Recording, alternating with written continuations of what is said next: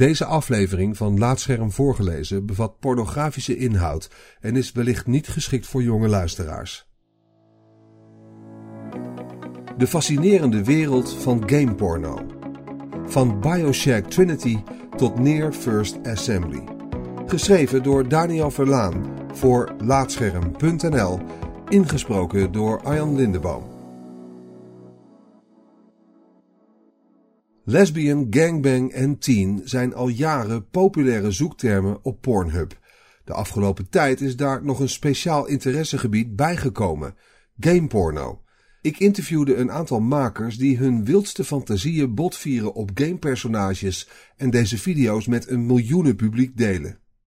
Porno-website Pornhub presenteerde begin dit jaar de populairste zoektermen van 2017.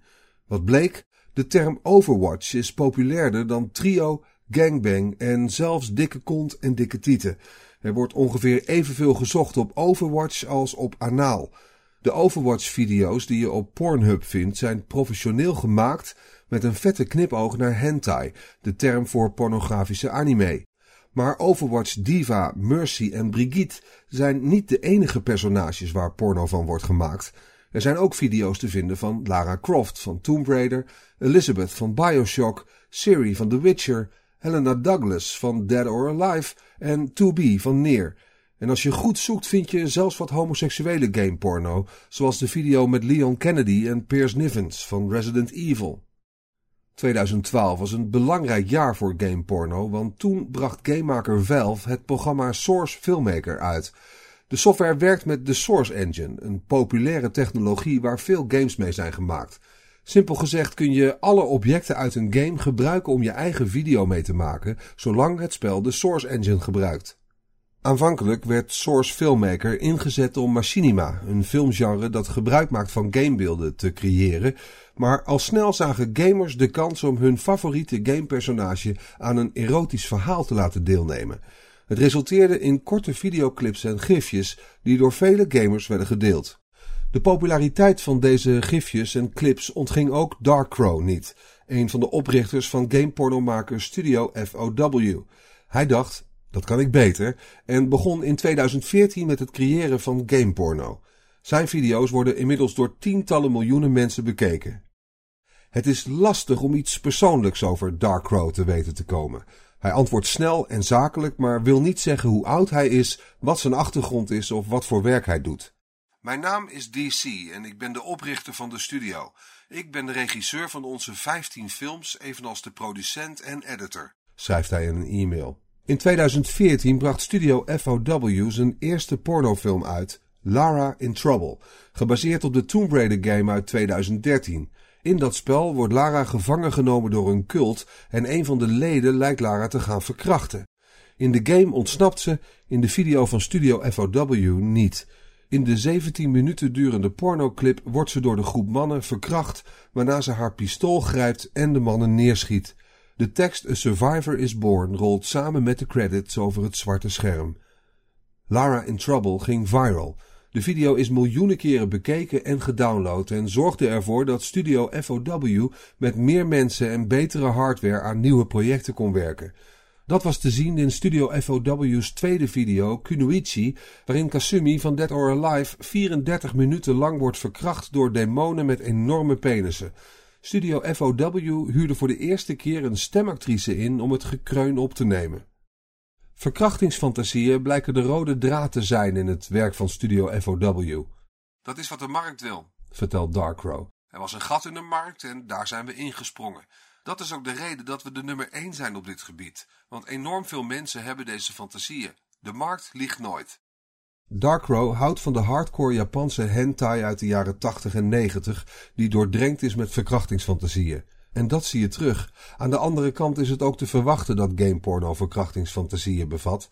Je ziet dezelfde trend in normale porno, waar termen als rape, incest en humiliation je leiden naar tal van video's waarin deze fantasieën aan bod komen.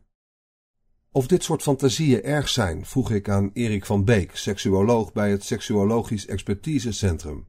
De verkrachtingsfantasie als lustopwekkend beeld komt veel voor, zelfs bij een meerderheid van de vrouwen.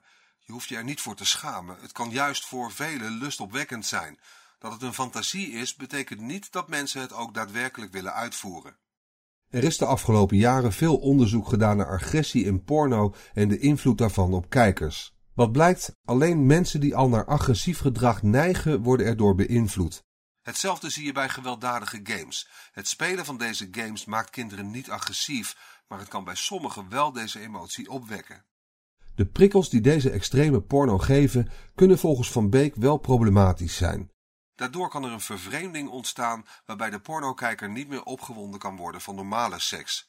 In mijn praktijk heb ik veel jonge mannen die veel porno kijken en uit angst voor verlies van hun opwinding ook geen seksueel contact met een ander durven aan te gaan.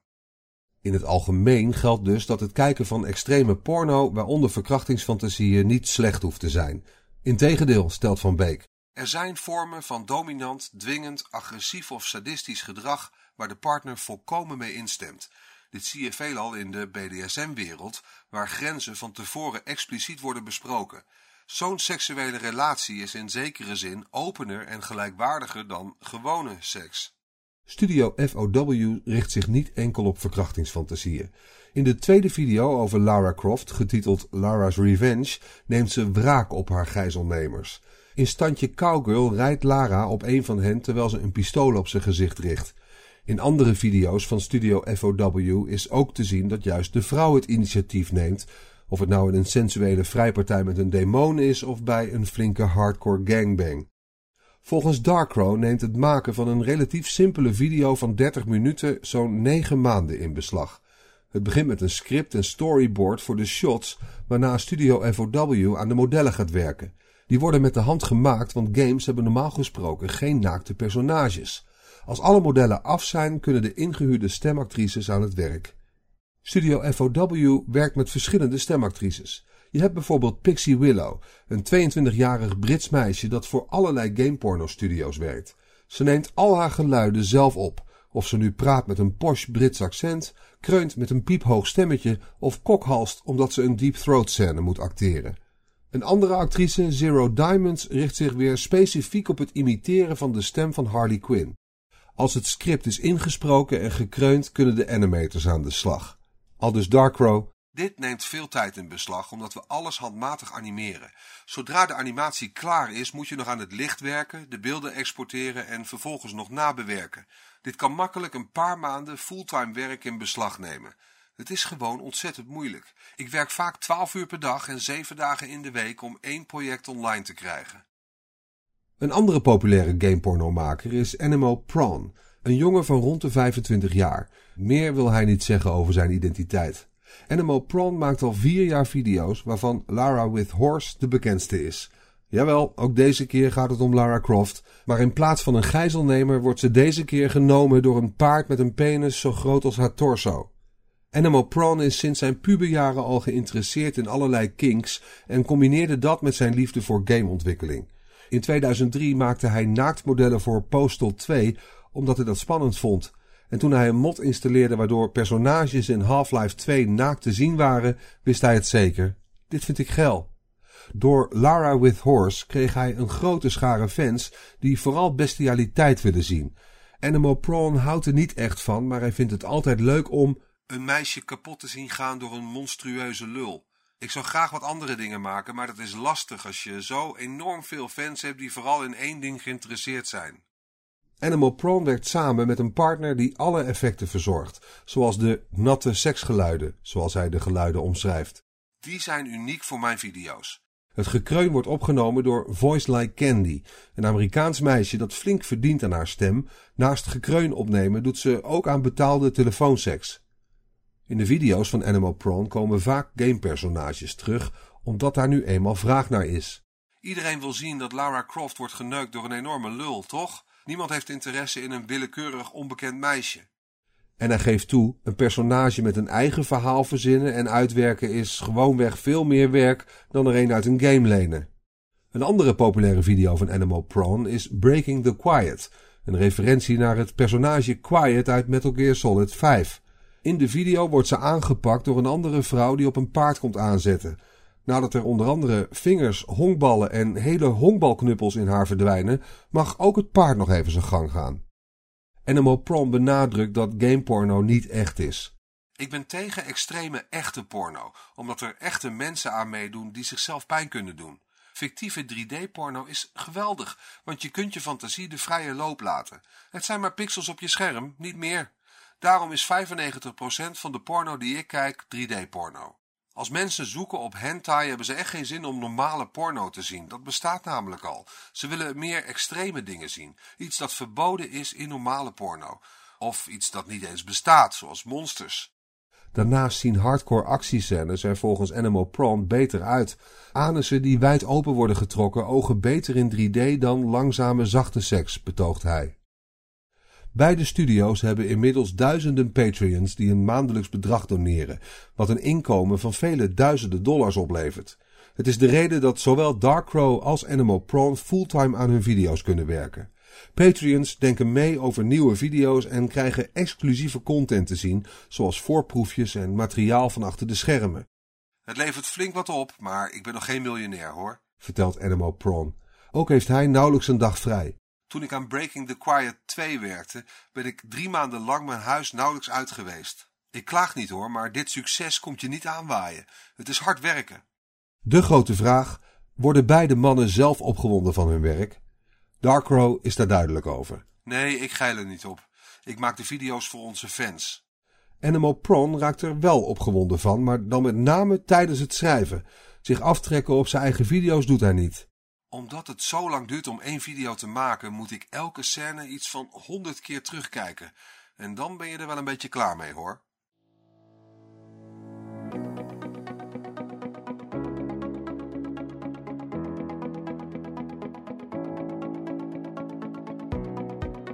Dankjewel voor het luisteren naar deze aflevering van Laatscherm voorgelezen. Als je waardeert wat we hier doen, dan zouden we het leuk vinden als je iemand anders vertelt over laatscherm.nl of een van onze verhalen deelt op social media. Sinds kort kun je Laatscherm ook vinden via Spotify en is het nog makkelijker geworden om de verhalen te beluisteren en te delen. Je kunt ook heel eenvoudig 5 sterren achterlaten in de podcast-app van Apple en eventueel een tekstje, waardoor we weer beter vindbaar worden voor anderen. Luister ook naar onze andere podcast, Praatscherm, en ga voor meer verhalen, geschreven of gesproken, naar laatscherm.nl.